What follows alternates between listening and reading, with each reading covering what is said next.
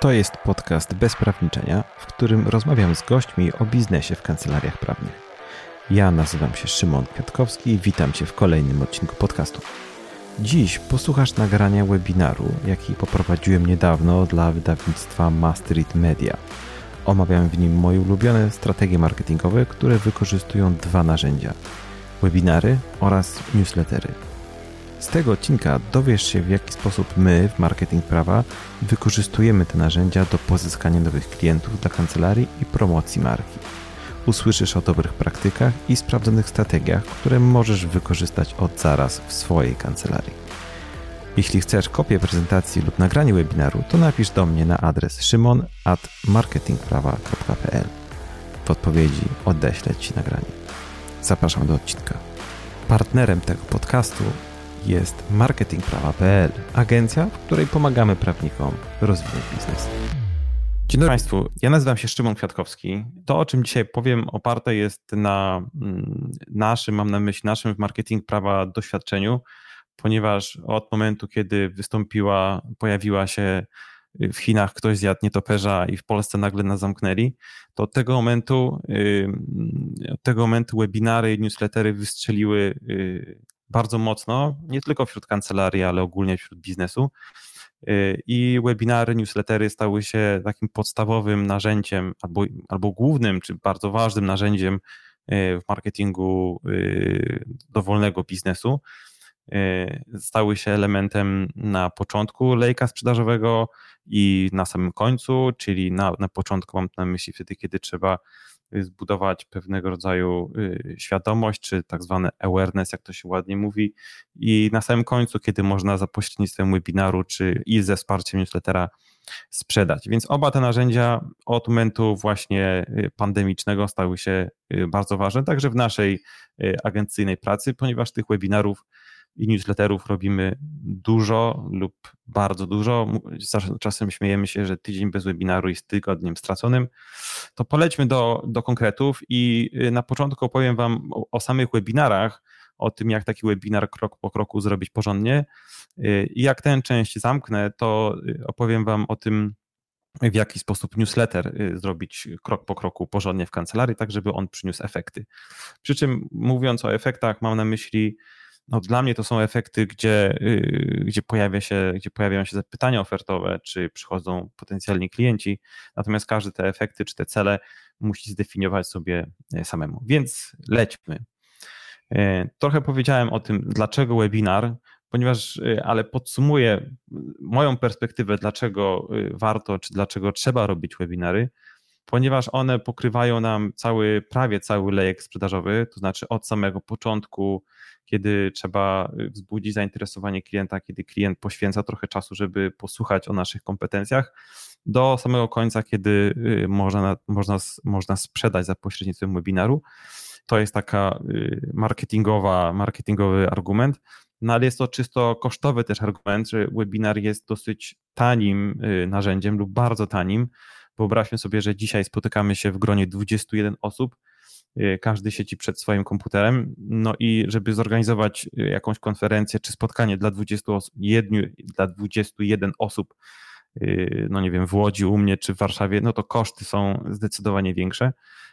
Więc słuchajcie, webinar jest narzędziem naprawdę tanim i porównując do konferencji, które były przed webinarami, jest po prostu niewiarygodnie taniej nim zaczniemy webinar, nim, nim, kancelaria zdecyduje się na to, żeby wyruszyć w podróż tą webinarową, to trzeba sobie zdawać sprawę, że to nie jest robota y, na y, jeden tydzień czy na dwa tygodnie. Z naszej perspektywy organizacja webinarów to jest przynajmniej to jest około 5-6 tygodni pracy przed webinarem i około tygodnia, dwóch tygodni z pracy po webinarze. Jeżeli przy założeniu, że on ma zrealizować nam cel o charakterze sprzedażowym, najlepiej sprzedażowym. Natomiast tych celów y, webinaru może być bardzo dużo. Może być w zależności od tego, kiedy, w którym miejscu go układamy w całym procesie marketingu i sprzedaży. Czyli możemy sobie powiedzieć, że webinary mogą budować markę eksperta, a zresztą robią to zawsze, niezależnie od tego, czy, y, czy mamy tutaj cel sprzedażowy, czy nie.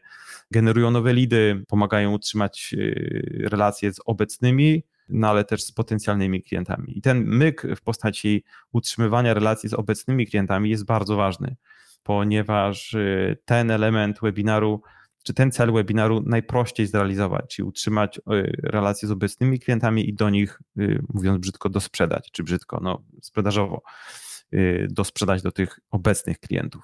Chciałbym powiedzieć Wam, od czego zacząć dobry webinar, i tutaj patrzę na swoją praktykę i pokazuję Wam trochę naszego warsztatu, żebyście zobaczyli, jak my myślimy jako agencja zewnętrzna, która dla kancelarii y, organizuje webinary. Więc dla nas krokiem jest, pierwszym krokiem to jest określenie y, samego celu webinaru i sposobu, w jakim go wypromujemy. Bo inaczej podchodzimy do kancelarii, która ma załóżmy 2000 osób na company page'u i partnerzy, czyli 2000 osób, y, które followują tak zwany company page na LinkedInie i ma dużo kontaktów na kontach prywatnych prawników, a inaczej będziemy podchodzili do kancelarii, która dopiero startuje i ma y, tych zasięgów bardzo mało. Potem zastanawiamy się, jakie mamy kompetencje, żeby poprowadzić webinar, czyli co umiemy, co umie nasz zespół, z którym kancelarii, który, z którym pracujemy, czy dobrze radzi sobie z prezentacjami, czy raczej nie, czy się stresuje, czy umie sprzedawać, czy też nie umie sprzedawać. I potem zastanawiamy się, w jaki sposób zrobić follow-up po tym webinarze czyli jakie usługi pokazać, w jaki sposób i jak zachęcić człowieka, potencjalnego klienta do, do kontaktu z kancelarią i do sprzedaży. Więc słuchajcie, żeby rozbić to sobie na kroki, to przed samym webinarem, my, co, to co my robimy, to siadamy z kancelarią i zastanawiamy się, słuchajcie, jakie cele my chcemy osiągnąć. I tutaj dla nas cele mogą być bardzo różne. Y, najczęściej kancelaria prawnicy mówią, że drogi Szymonie czy drogi zespole marketing prawa, bardzo chcielibyśmy posprzedawać nowe usługi, albo sprzedać usługi, albo pozyskać nowych klientów, albo mieć nowe zapytania ofertowe. E, I to są najczęstsze, y, najczęstsze cele. Inne cele, z jakimi my się spotykamy, no to na przykład chcemy pokazać nowe specjalizacje i tylko nam zależy na tym, żeby wyjść do rynku i je pokazać. Albo chcemy się nauczyć prowadzić webinarów. Pierwsze webinary są czysto testowe i dopiero następne będą, y, będą miały charakter sprzedażowy. Albo chcemy pokazać jakąś nową instytucję i tylko jesteśmy informacją, tylko pokazujemy do rynku informujemy. Takie rzeczy działy się na przykład w czasie y, tym tak zwanym pandemicznym, gdzie, y, gdzie mieliśmy mnóstwo nowych ustaw, mieliśmy te tarcze wszystkie i wtedy było bardzo dużo webinarów o charakterze takim informacyjnym, mało sprzedażowym. I skoro mamy cel, to zastanawiamy się trochę też równolegle, może to nie jest takie czysto liniowo, jak tutaj na, na, na, na prezentacji jest pokazane, zastanawiamy się, jaka jest nasza grupa docelowa, czyli kogo my chcemy ściągnąć na webinar. Y, mogę sobie wyobrażać, wyobrazić, że dzisiaj na ten webinar przyszły kancelarie i prawnicy oraz marketingowcy. Więc y, my robiąc następny webinar, czy webinar z jakąkolwiek kancelarią, zastanawiamy się, w jaki sposób, y, kogo chcemy dokładnie ściągnąć, kogo chcemy zaprosić, kogo, kogo chcemy zobaczyć tutaj na czacie i z kim chcemy rozmawiać. To się dzieje bardzo prosto i tutaj trzeba się zastanowić razem z klientem, z kancelarią, czy wy musicie się, musicie się zastanowić, kto jest osobą zakupową, czy decyzyjną, czy uczestniczy w procesie zakupu waszych usług. I taką osobę możecie bez problemu y, wyszukać na LinkedInie. Korzystając na przykład z konta premium, możecie y, wyszukać taką osobę i poprosić LinkedIna o to, żeby zwrócił wam wyniki do osób podobnych do tej, którą wskazaliście. Mm, powstanie Wam lista kilkuset osób, które możecie zaprosić na webinar w taki czy w inny sposób. Tutaj już Wasza jest, e, Wasza rola w tym, żeby, żeby wymyśleć sposób zaproszenia tych osób. Następnie wybieramy platformę. Dzisiaj działamy sobie na Click Meetingu, natomiast platform, y, platform y, webinarowych jest bardzo dużo od Zooma, przez niektórzy robią na Teamsach, pro Webinar Jam i Webinar Ninja. Naprawdę tych, tych narzędzi jest bardzo dużo. My korzystamy z dwóch, tak naprawdę z, trzech, czyli korzystamy z Click Meetingu i korzystamy z narzędzia, które się nazywa Webinar Jam. Każde ma swoje plusy i minusy. Musicie wybrać dla siebie tę, która jest y, najlepsza. Skoro mamy już te trzy kroki zrealizowane, to zastanawiamy się, słuchajcie, w jaki sposób pokażemy tę naszą unikalną wiedzę y, i jak ją przekujemy na temat. Czyli jakim tematem będziemy grać i w jaki sposób napiszemy ten temat, aby on był, aby on przykuwał naszą uwagę. I to jest bardzo ważny moment y, w planowaniu całej pracy. Dlaczego? Dlatego, że dziś mamy przesyt webinarów i przesyt całej takiej komunikacji marketingowej od, od prawników no, która, bądźmy szczerzy, przytłacza.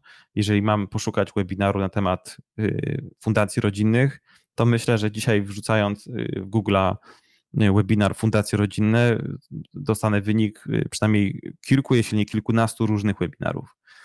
Oczywiście to jest newsowy temat i teraz grzany przez kancelarię, Natomiast wymyślanie, wymyślenie tematu, nawet jeżeli robimy y, dosyć powszechny webinar, jest bardzo ważny.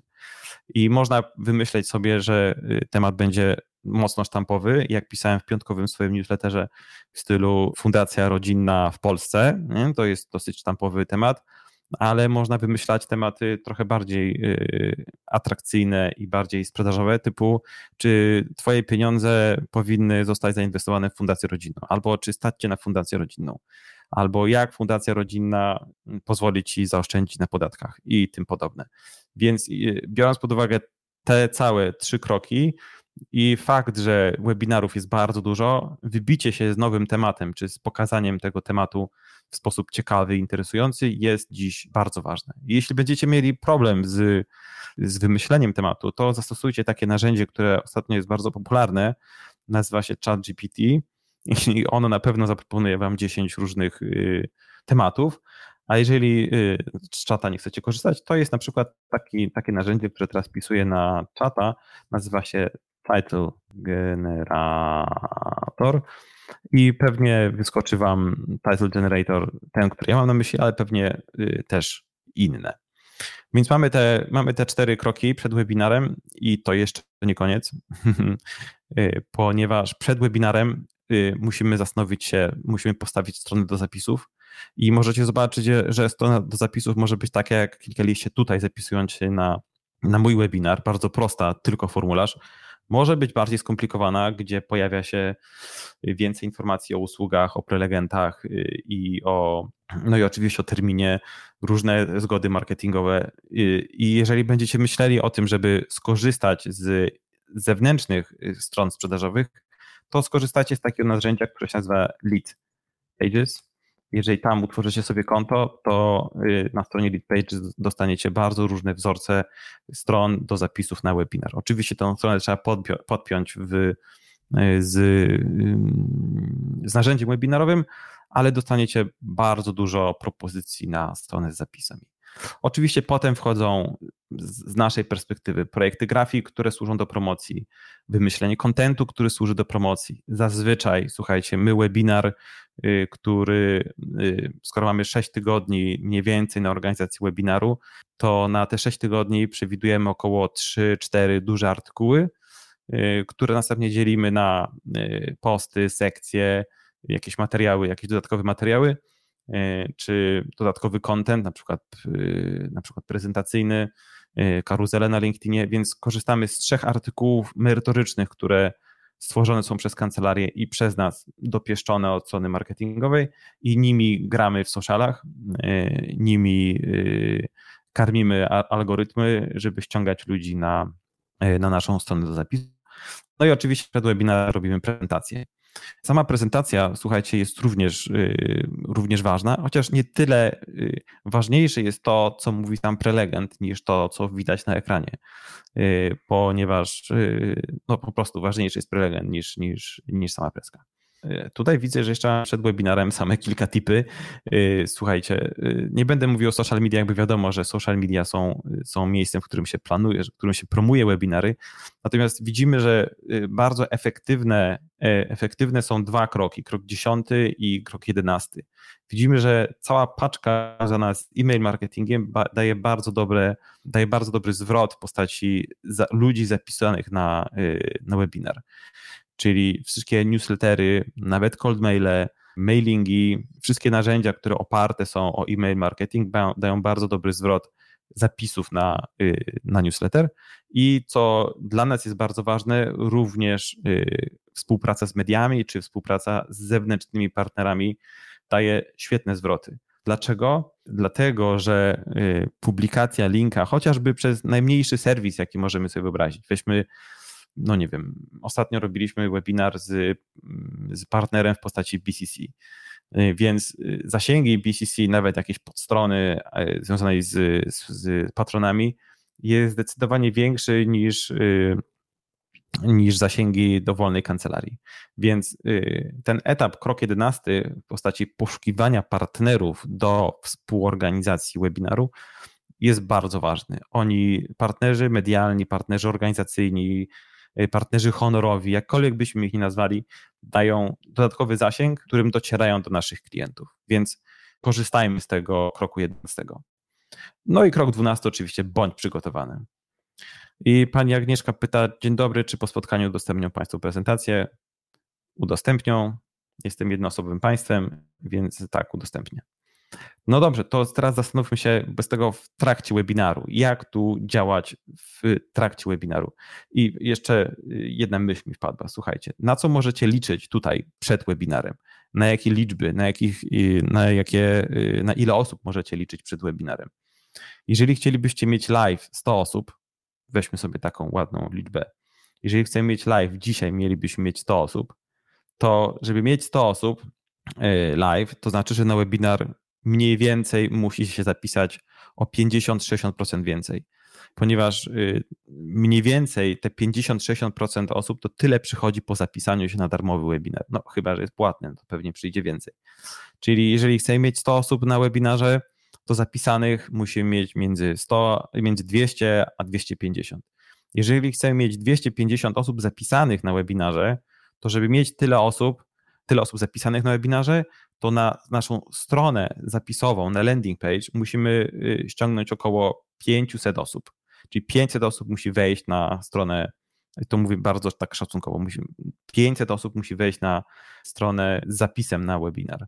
Jeżeli chcemy mieć 500 osób, na, które wchodzą na zapisy, na, na stronę z zapisami, no to musimy wygenerować naprawdę duży zasięg online, duży mam na myśli dla kancelarii, dużo kliknięć, dużo impresji na LinkedInie, dużo wyświetleń na stronach partnerów, żeby te 500 osób ściągnąć na, do nas na, y, na webinar.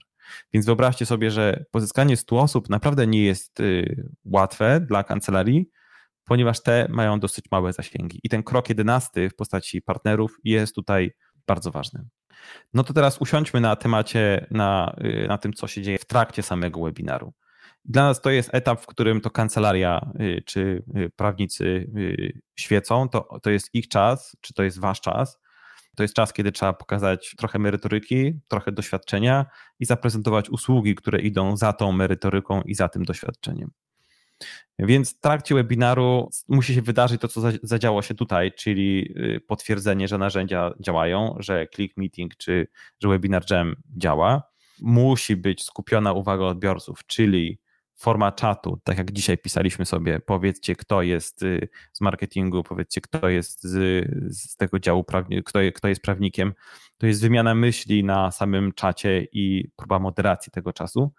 To jest próba nieprzynudzania, ponieważ yy, prawnicy zazwyczaj mają to we krwi, że wpadają w jakiegoś rodzaju monolog, czy w jakiegoś rodzaju taką, yy, słuchajcie, tunelowe yy, mówienie o tym, co się, to, to, o tym, co widać na, na slajdzie, bez patrzenia na interakcję z ludźmi. No i pilnowanie czasu, żeby y, nie przedłużyć i też nie, y, nie skrócić zbytnio swojej prezentacji. To pilnowanie czasu o tyle jest ważne, że przecież tutaj ludzie dzisiaj w poniedziałek wy przychodzicie na dziesiątą, żeby wysłuchać mnie, więc ja szanuję zarówno swój czas, jak i wasz czas.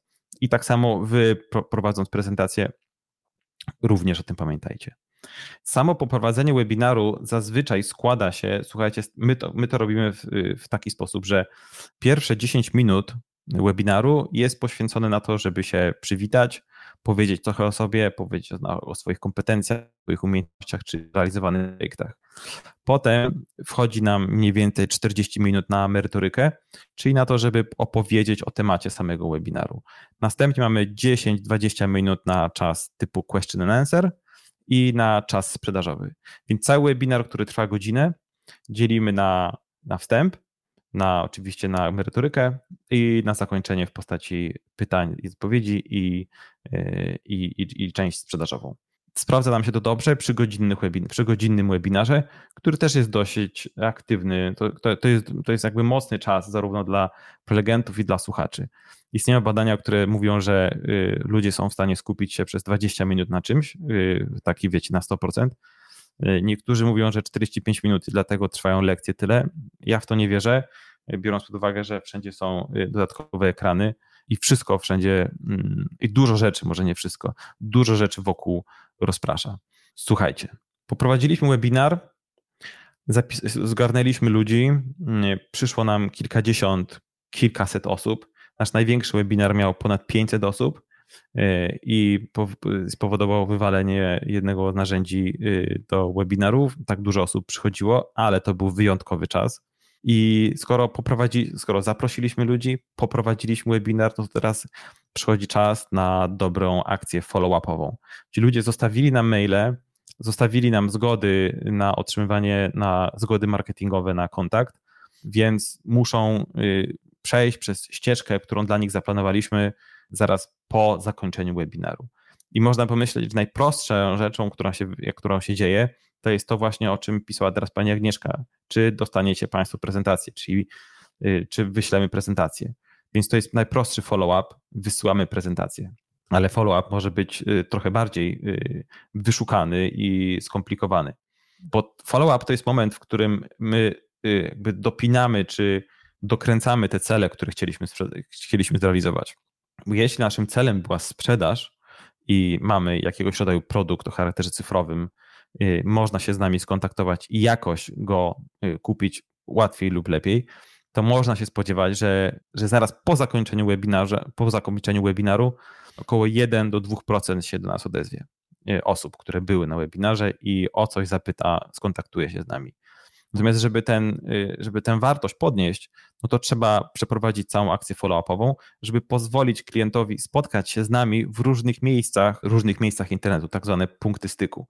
Żeby klient widział się z nami y, na mailu oczywiście, bo otrzyma prezentację i otrzyma, otrzyma jakieś jeszcze rzeczy, może jakąś przypominajkę, że był webinar i zobacz prezentację, zobacz powtórkę, no ale dobrze byłoby, gdyby pojawił się, gdyby ten punkt styku był też w innym miejscu, czyli mam na myśli social media, profile prywatne, y, profile y, firmowe, y, LinkedIn, Facebook, Instagram to są miejsca, w których można złapać te punkty styku z potencjalnymi klientami, YouTube.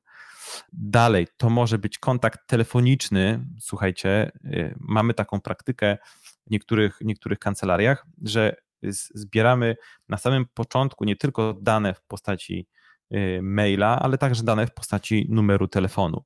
I ten numer telefonu jest, korzystamy z niego w dwóch momentach. W pierwszym momencie, przed zapisaniem na webinar, dzień przed dzwonimy do, dzwonimy do ludzi, którzy zapisali się, albo może jeżeli jest ich dużo, to nie do wszystkich, a do wybranych kilkudziesięciu osób i uprzejmie, grzecznie przypominamy o tym, że jest newsletter, kurczę, jakiś newsletter, że jest webinar jutro czy pojutrze, czyli zazwyczaj dzwonimy dzień i dwa dni przed webinarem. I na początku zastanawialiśmy się, czy taki telefon jest, to jest dobra myśl, dobry pomysł, żeby, żeby nachodzić ludzi y, telefonem. Okazuje się, że tak, że to jest dobry, że to jest dobry sposób. Zwiększamy tą konwersję zapisanych do obecnych i taki telefon takie połączenie telefoniczne jest odbierane bardzo pozytywnie.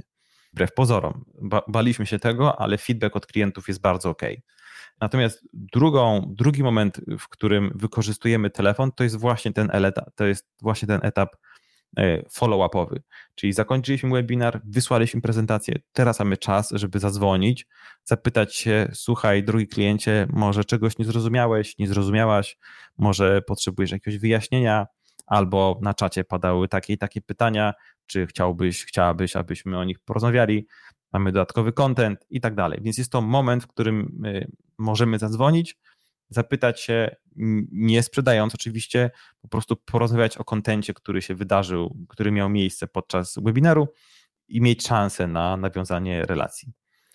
I oczywiście mamy czas na analizę, na przegląd statystyk, czyli sprawdzenie, ile osób się zapisało, i oczywiście z jakich firm, czy kto dokładnie przyszedł na, y, na webinar. To nam pozwoli na dodanie tych osób y, na, do kontaktów na LinkedInie, czy w innych miejscach. To jest szansa na wrzucenie poszczególnych osób, no może do CRM-a, do jakiegoś pierwszego etapu sprzedażowego. Więc tutaj mamy całą paczkę y, całkiem niezłej możliwości analizy. I w tym miejscu też warto popatrzeć, jak głęboko chcemy wchodzić w analizę, I ponieważ różne narzędzia dają różne możliwości analityczne, Click Meeting daje jakieś, Webinar Jam daje trochę inne, a Zoom daje jeszcze inne możliwości analityki.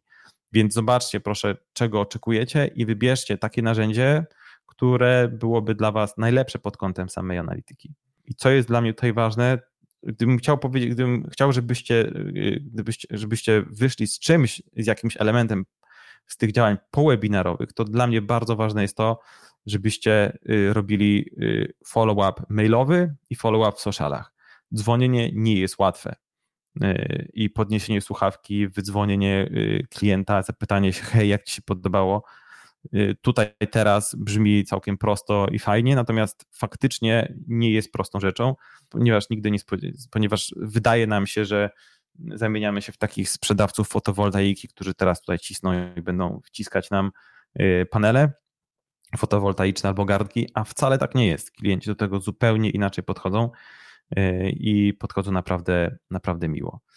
Okej, okay, kurczę, super pytanie. Czy analogicznie można postępować pod, z podcastem? Jasne, że tak, chociaż różnica jest taka, że y, no na podcast nie trzeba się zapisywać, y, żeby go wysłuchać. Podcast jest dostępny cały czas no chyba, że go zamkniemy za jakimś paywallem, czy za jakimś, w jakimś miejscu niedostępnym, że trzeba zapłacić albo zapisać się, żeby odsłuchać, y, odsłuchać podcast. Czyli nie mamy tego elementu y, pozyskiwania leadów, jest tylko ten, y, ten czas, no to działanie przed, no, w, no tak, w trakcie i również po, z wyjątkiem, z wyjątkiem pozyskiwania, pozyskiwania kontaktów. Fajne pytanie. Więc myślę, że do tego podcastu trzeba wybrać kilka rzeczy. Jakie ja bym wybrał do promocji? Na pewno y, no, całość techniczna, trzeba się przygotować tak samo jak y, do webinaru. Na pewno całość promocyjna, bo można, o właśnie, już wiem, można wyobrazić sobie, że stawiamy stronę, z, y, stronę podcastową, w której mówimy zapisz się na newsletter, tam zapisz się na mailing, żeby być poinformowany o najnowszych odcinkach. No i już, ciach, mamy ludzi, którzy nam wpadną, no i oni będą nam wpadać cały czas tak długo jak długo promujemy podcast i go, y, i go rozwijamy, tak długo ci ludzie będą tam wpadać. Webinar jest akcyjny, on, ci ludzie wpadają wtedy kiedy, wtedy, kiedy rzeczywiście prowadzimy webinar, a nie przez cały czas. Ok, Pani Magdo, mam nadzieję, że odpowiedziałem na pytanie. Z podcastem będzie problem przy analizie, analizie statystyk, bo tam narzędzia, które publikują podcasty, nie dają tak głębokiej statystyki jak, jak narzędzie webinarowe. Oczywiście można dostać statystyki, Spotify daje swoje, y, jest takie narzędzie, które się nazywa ono też daje statystyki. No, trzeba zdecydować się, co się chce, jak, jakie informacje chce się y, uzyskać. Ok, słuchajcie, jeszcze jedno pytanie webinarowe i lecimy dalej.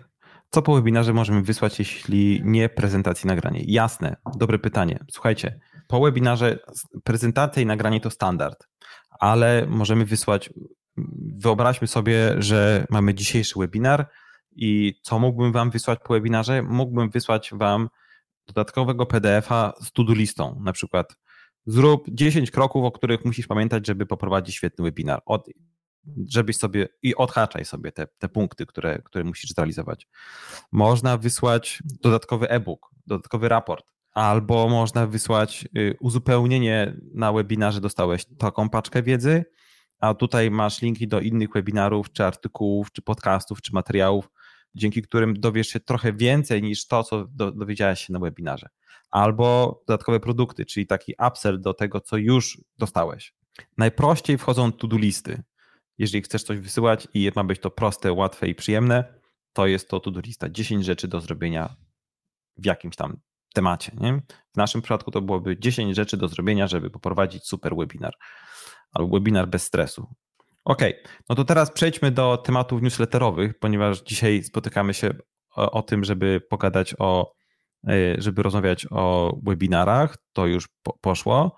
To teraz o newsletterach. Ja nie wiem, dlaczego newslettery mają takie, taką negatywną konotację. Gdybyście mi powiedzieli, dlaczego, to byłbym, y, to byłbym wdzięczny, bo zawsze, kiedy ja rozmawiam z, z prawnikami i sugeruję, słuchajcie, zacznijmy robić newsletter w takiej czy w innej formie, w formie alertu, czy tam czegoś innego, to zawsze słyszę, ale nikt tego nie czyta.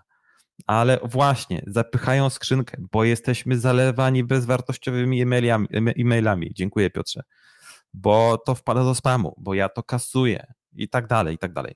No i ja to, ja to przyjmuję, te, te argumenty, a potem patrzę na statystyki i wydaje, dochodzi, dochodzę do tego, że y, trudno mi znaleźć y, narzędzie, które daje lepsze statystyki niż e-mail, bo okazuje się, że porównajmy do czegoś, do, co y, kancelarie czy co marketingowcy robią na co dzień.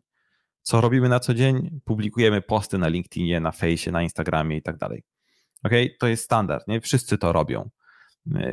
Kancelarie chcą być na LinkedInie. To teraz zastanówmy się, jaki jest zasięg takiego posta i jaka jest klikalność posta na LinkedInie.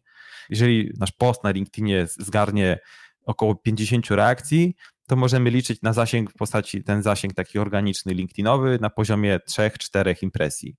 Co jakby 3-4 tysięcy impresji, przepraszam, 3-4 tysięcy impresji, klikalność na poziomie 3-4% w linka, którego tam pokazujemy, pokazujemy w poście. Dobra, jeżeli mamy tam 3-4 tysiące impresji i gdybyśmy wysłali do 3-4 tysięcy osób mailing, to otwarcie takiego mailingu mamy na poziomie 50, 60, 40, 50%, 40-50% przy dobrej bazie. Z tych 40-50% dobrej bazy klikalność mamy na poziomie 8-10%. Więc jakby y, ja zastanawiam się, gdzie tu jest logika, skoro mamy narzędzie, które performuje mm, powiedzmy słabo, i mamy narzędzie, które którego ja widzę, że statystyki y, są zdecydowanie lepsze niż jakiegokolwiek innego posta. Oczywiście wejdzie, to patrzymy na statystyki, wejdzie potem jeszcze myślenie o tym, że, y, że napisanie newslettera jest trudniejsze, że to jest całkiem niezła sztuka, żeby napisać dobrego newslettera. No, wprawdzie napisanie dobrego posta, który do, robi dobre zasięgi, też nie jest najprostszą robotą. I to jest też czas na, y, na research i na pewnego, pewnego rodzaju praktykę, żeby pisać y, dobre posty. Natomiast zestawiając te dwa narzędzia, zastanawiam się, po co LinkedIn bez newslettera, i potem sobie myślę, po co newsletter bez LinkedIna. I dochodzę do takiego wniosku, że te dwa narzędzia, czyli newsletter, czy email marketing, tak go nazwijmy ogólnie, plus Y, ta działka mm, socialowa po prostu są, są to, to jest idealne małżeństwo, czy idealna, idealna para, ten newsletter i, i to social media. Dobra, nie wchodzę w to dalej. Po prostu jest to świetne połączenie dwóch narzędzi, które się, y, które się bardzo dobrze uzupełniają. Biorę do siebie te argumenty, że zapychają skrzynkę, zalewanie i tak dalej. Ja sam jestem zalewany newsletterami, natomiast mam około dwóch, trzech, które czytam regularnie i to są naprawdę, y, naprawdę dobra, dobra, dobre mięso. Możecie popatrzeć sobie na newslettery, które latają na rynku prawniczym. Na przykład, nie wiem, czy mamy, na, mamy y, tutaj wśród publiki kancelarię, kogoś z kancelarii Traple, natomiast tam mamy przykład newslettera, który jest bardzo bogaty w treść. To jest duży PDF, kilkunasto czy kilkudziesięciostronicowy. To jest jeden przykład newslettera, który ja fanem, raczej tej formy nie jestem fanem, nie że kancelarii tego tej formy.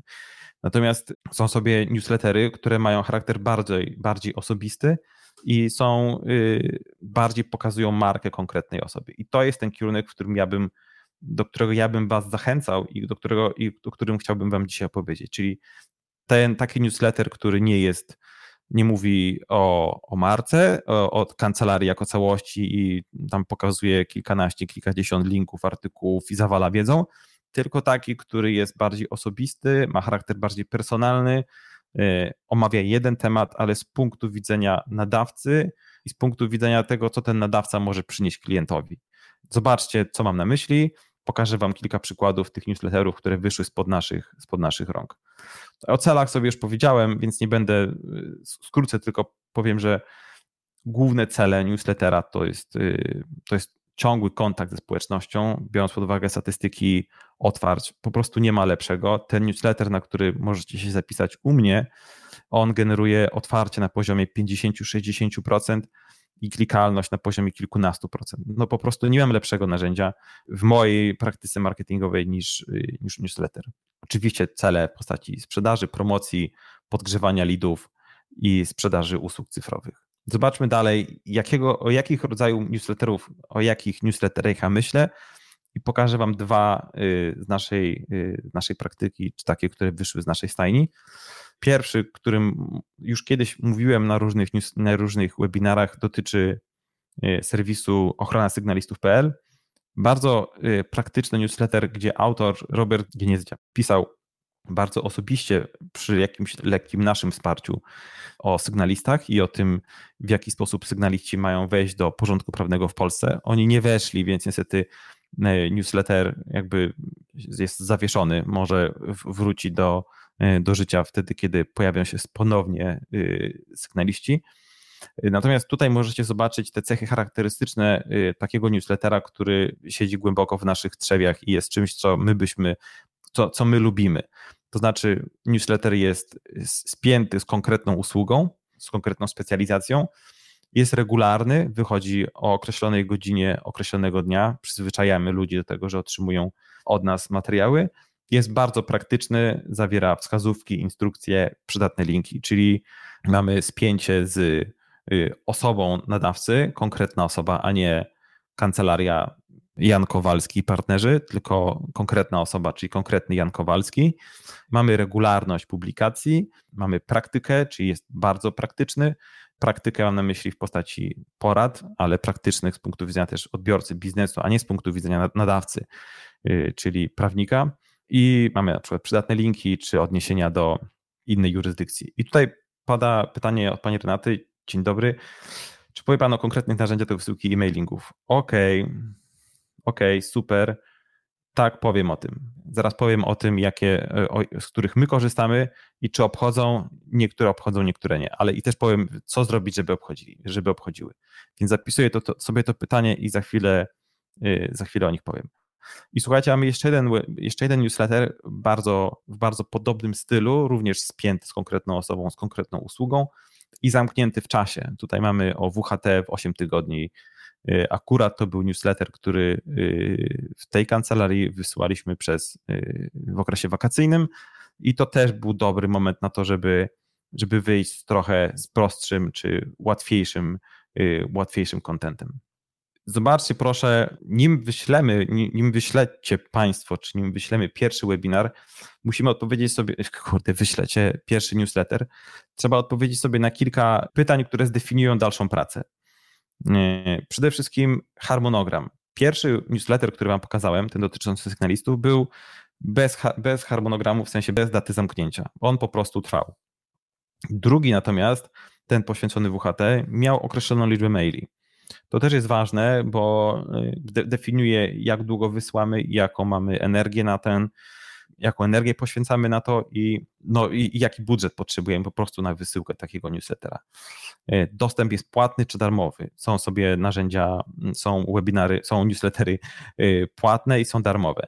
Jeżeli chcielibyście myśleć o newsletterze płatnym, to jest fajne narzędzie, które się nazywa Mailinger.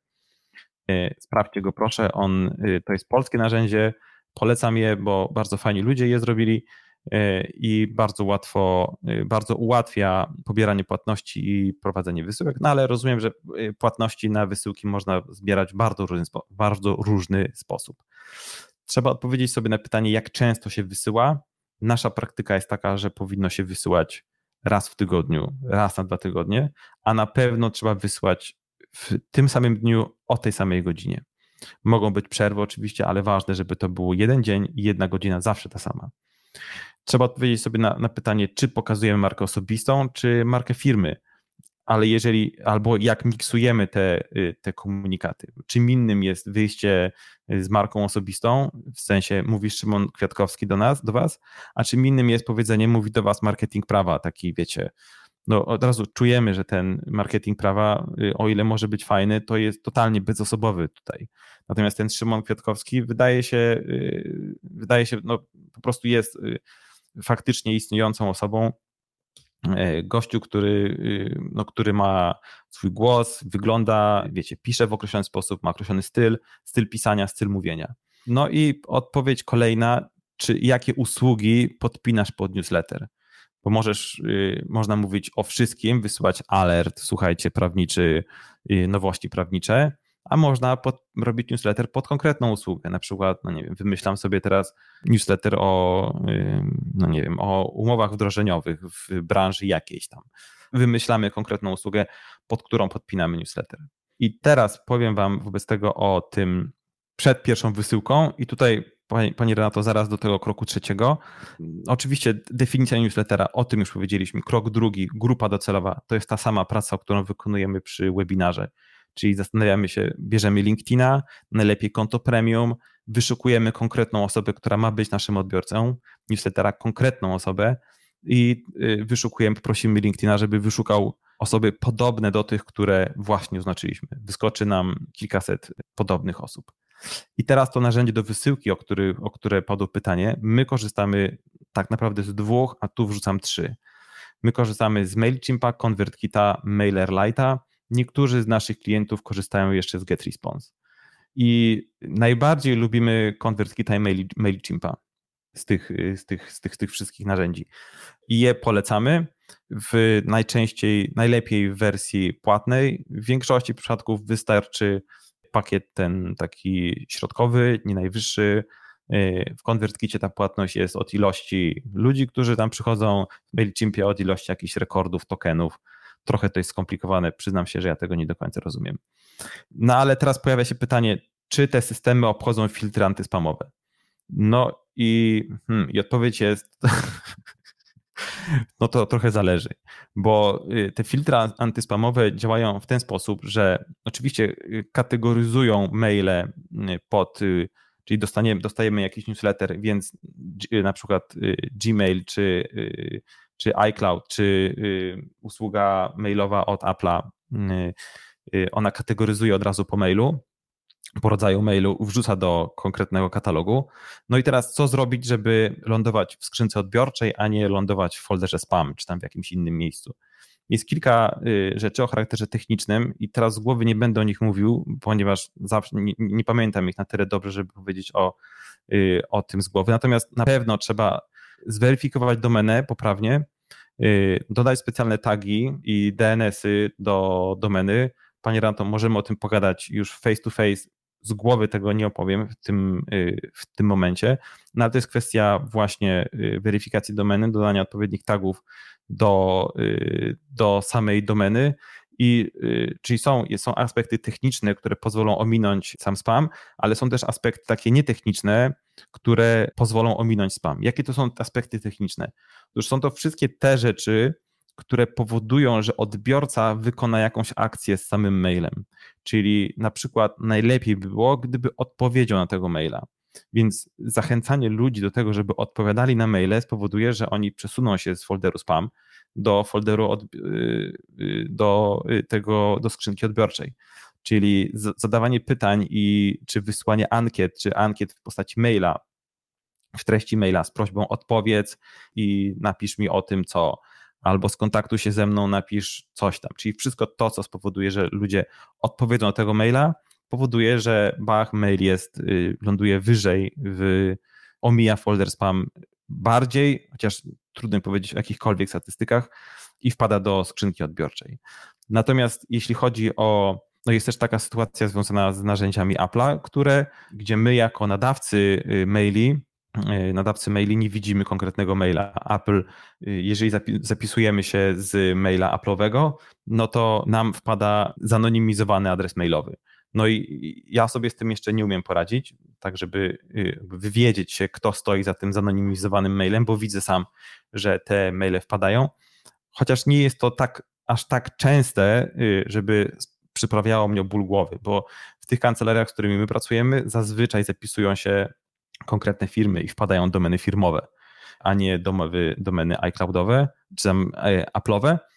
Chociaż widzę ten trend i on trochę zaburza y, ogólny odbiór statystyk i y, zaburza tę relację y, z potencjalnym, z potencjalnym klientem. Pewnie jest jakiś system na to, żeby, żeby wywiedzieć się. Ja wyobrażam sobie tak, chociaż tego jeszcze nie robiłem, że jeżeli mam tę konkretną osobę, która zapisała się, na przykład na webinar z adresu Apple'owego i nie znam konkretnych danych, no to w, w, w całości tej komunikacji myślę, że jestem w stanie dowiedzieć się, kto jest, kto stoi za tym mailem i do mojego CRM-a wpisać sobie tę konkretną osobę. Ale to jest y, jakby działanie jeden na jeden, a nie y, działanie takie zbiorcze czy masowe, bym powiedział. To jeszcze, Pani na to wrócę do Pani z tą listą tych rzeczy takich technicznych, które trzeba przeprowadzić, żeby omijać folder spamowy, jakby uwiarygodnić domenę, bo to o to chodzi. I teraz zastanówmy się, w jaki sposób mamy sobie, jesteśmy przed, mamy etap pozyskania subskrybentów, jest to dosyć proste i dosyć, znaczy proste w, w, takim rozmawianiu o tym, natomiast w realizacji wcale tak proste nie jest. Czyli to zawsze jest strona do zapisów, taka jak Wam pokazywałem wcześniej. To są zawsze sociale, to są grupy dyskusyjne, to są inni partnerzy, są partnerzy, prawnicy, blogerzy, media, organizacje pozarządowe.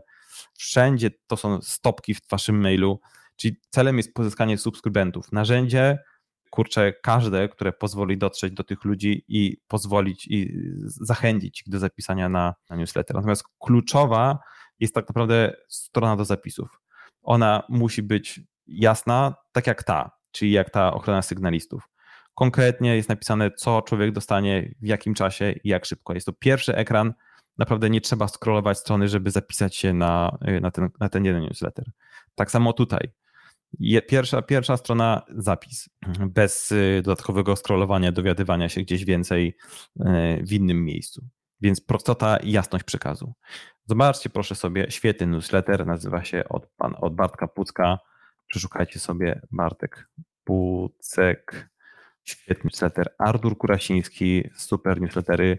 Zobaczcie jak wyglądają ich y, strony do zapisów. No i bądźmy szczerzy, y, kopiujmy najlepsze możliwe rozwiązania i wdrażajmy je w swoich kancelariach i w swoich strategiach marketingowych. Słuchajcie, chciałem powiedzieć Wam jeszcze o tym, w jaki sposób prowadzić wysyłkę. I y, chciałbym, żebyście, żebyście zostali z taką informacją o wysyłce, że zawsze trzeba być regularnym, czyli dobry newsletter jest wtedy, kiedy on wychodzi o, o, o tej samej porze, o tej samej godzinie musi być autentyczny, czyli y, zobaczcie, jak bardzo jesteśmy wyczuleni na, na ściemę, na to, że coś jest nieprawdziwe, czy komunikacja jest nieprawdziwa. Jest, czyli zawsze ten newsletter musi być autentyczny, zawsze na 100% praktycznie. Tutaj, kiedy mówię o tym, że słuchajcie, musimy pokazać maksimum praktyki, dostaję zazwyczaj lewym sierpowym, ale ja nie chcę pokazywać 100% praktyki, bo klienci sami sobie to wezmą i i sobie sami zrealizują usługę, za którą ja biorę gruby hajs. No i tak, to się, to się dzieje i zazwyczaj mam na to gardę przygotowaną w ten sposób, że słuchajcie, jeżeli obawiacie się, jeżeli klient ma sobie sam zrealizować jakąś usługę, to on tę wiedzę pozyska tak czy siak z innych źródeł i nigdy nie będzie waszym klientem. A pokazując praktykę, budujemy naszą, nasz wizerunek eksperta. Więc moja rada zawsze na maksa praktycznie i z pazurem, czyli y, bez przynudzania, Y, prawdziwie, bez, bez prawniczenia, jak ja to mówię, by the way, taki będzie mój podcast. I zastanówmy się teraz, skoro mamy ten element, no to zastanówmy się wobec tego, czy jesteśmy w stanie promować usługi. No i oczywiście, że tak. W newsletterze promujemy usługi zazwyczaj nie poprzez to, że mówimy, że jesteśmy świetni i że my to robimy najlepiej, albo mamy indywidualne podejście do klienta, bla, bla, bla. To jest tek bzdur Y, pokazujemy usługi poprzez referencje, poprzez case study, poprzez y, pokazanie rozmów, y, jakie zrealizowaliśmy z klientami, czy projektów, jakie zrealizowaliśmy z klientami. Czyli usługi i nasze doświadczenie pokazujemy przez pryzmat referencji, a nie przez to, że mówimy sami o sobie, że, że jesteśmy świetni.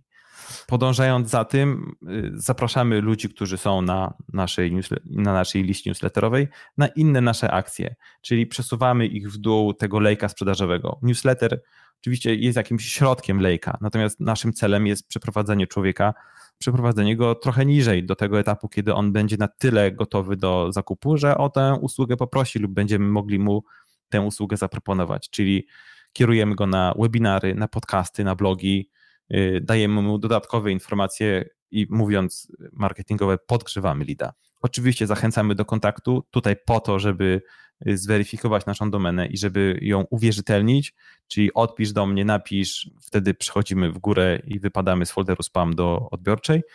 No i analizujemy statystyki. I tu też różne narzędzia dają różne statystyki. My korzystamy z ConvertKita i z MailChimpa i te, te statystyki dla nas są y, wystarczające. To, co możecie badać na sam wstęp, to jest tak zwany statystyka open rate, czyli ile osób otworzyło w relacji do ilu osób zostało wysłanych i click rate, czyli ile osób y, kliknęło w stosunku do tych, co otworzyło. To są dwie podstawowe statystyki, które warto przeglądać. Na jakie liczby powinniście liczyć? Open rate powinien być w okolicach 40%, to jest naprawdę fajnie. Click rate fajnie między 5 a 10%. To byłoby naprawdę, to byłoby naprawdę ok. No i na sam koniec jedna bardzo ważna rada. Słuchajcie, newsletter i webinary to jest długa gra, więc proś, proszę, bądźcie cierpliwi. Nie zrażajcie się proszę, tym, że na początku nikogo nie ma na webinarze, nikogo nie ma na liście y, mailowej. Takie są y, niestety początki. Y, jeżeli chcecie te dwa narzędzia rozwijać i mieć z nich potencjalnych klientów, to musicie się nastawić na długą grę. Długą grę to jest przynajmniej gra na poziomie 6 miesięcy, jednego roku. Wtedy zaczynają przychodzić zobaczycie z tego jakikolwiek zwrot i jakąkolwiek y, zwrot z tej inwestycji. Mam na myśli zapytania ofertowe czy jakiekolwiek komentarze. Na początku to jest tylko dolewanie oliwy do, do ognia, może nie do ognia, ale do takiego takiego silnika, który spala nagle 90% y, swojego paliwa. Y, słuchajcie, zamknąłem ten czas, tę ten sekcję poświęconą newsletterowi. Teraz tradycyjnie ja biorę łyk wody i czekam na przynajmniej dwa pytania to nim Piotr napisze precyzję, to ja tylko powiem, że lead magnet jest y, takim narzędziem, które dajemy komuś w zamian za jego jakąś akcję, czyli daję ci e-book w zamian za to, że zapiszesz się na mojego maila. I tak, te, y, tak jak piszesz, lead magnety są świetnym narzędziem do tego, żeby, żeby budować listę. I nie tylko listę, ale jest to pierwszy moment do tego, żeby y, otwierać, otwierać lejek sprzedażowy. Naj, najczęściej dobre lead magnety to takie, które są na, wiecie, na 1000% praktyczne.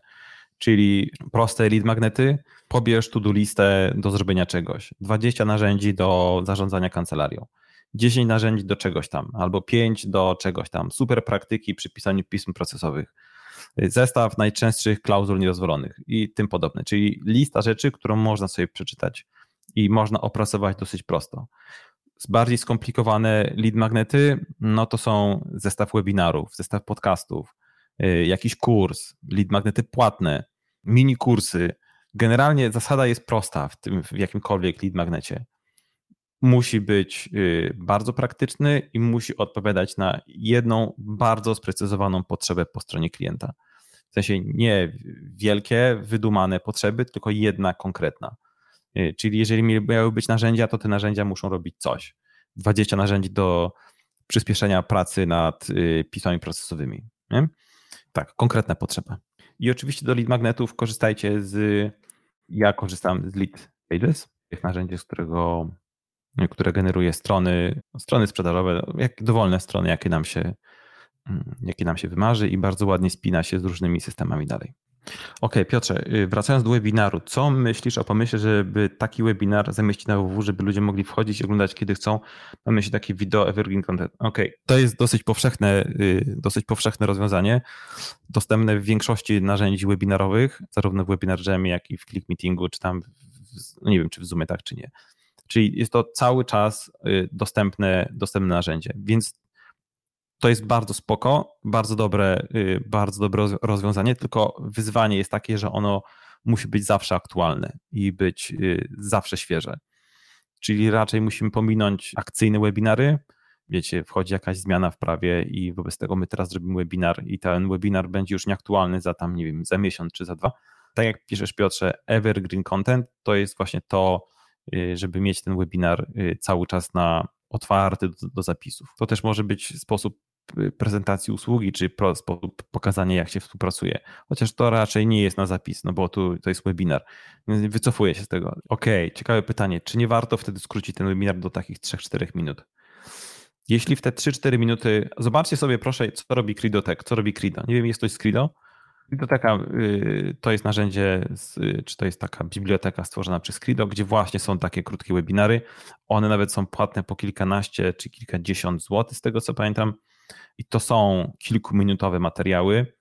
Mm, więc tak, Pani Magdo, jeżeli to nam wpada, jeżeli w ten czasie, jeżeli w tym czasie jesteśmy w stanie przekazać tę, tę praktykę wystarczająco dobrze, to tak, to jest dobry, yy, dobry myk, żeby to były 3-4 minuty. I to wystarczy nawet wrzucać na, umieszczać na playerze na YouTubie i mieć do tego link prywatny. Nawet trzeba do tego yy, tworzyć i jakichś dodatkowych narzędzi. Wtedy taki link po zapisie przychodzi na maila, Y, jest przekierowany do YouTube'a. Takich przykładów, takich realizacji na polskim rynku, y, w ogóle na rynku prawniczym nie jest zbyt wiele. A jeżeli wejdziecie w ciekawe narzędzia, w ciekawe firmy B2B z innych branż, to tam webinary czy materiały wideo, o może tak, materiały wideo są dosyć popularne, albo nawet bardzo popularne. Słuchajcie, powoli będę kończył. Jesteśmy ponad godzinkę, gadaliśmy, gadałem do Was i cały czas jestem y, otwarty na to, żeby dostać od Was pytania na mnie na maila. To jest mój mail mm, szymonopomarketingprawa.pl więc jeżeli chcecie napisać i chociażby y, porozmawiać o tym, y, co tutaj usłyszeliście, to jesteśmy ja ze swoim zespołem jesteśmy chętni, żeby Wam odpisać i, i porozmawiać dalej. Jeżeli chcecie uruchomić u siebie y, webinary i newslettery, to też się nie wahajcie. Jest to cały czas y, do wakacji, jest czas, żeby odpalić newslettery, webinary. E, po wakacjach jest jeszcze lepszy czas, żeby, żeby we wrześniu, w październiku wrócić z, z planami webinarowymi. Pamiętajcie, że organizacja webinaru to jest to nie jest hopsiub, to jest, y, czyli to, to jak hopsiub, dlaczego tak mówię? No nieważne, to nie jest y, rzecz bardzo, bardzo prosta. To jest rzecz, na którą trzeba poświęcić kilka tygodni na to, żeby ją zaplanować i żeby ją wdrożyć. Więc zapraszam Was do kontaktu mailowego lub telefonicznego.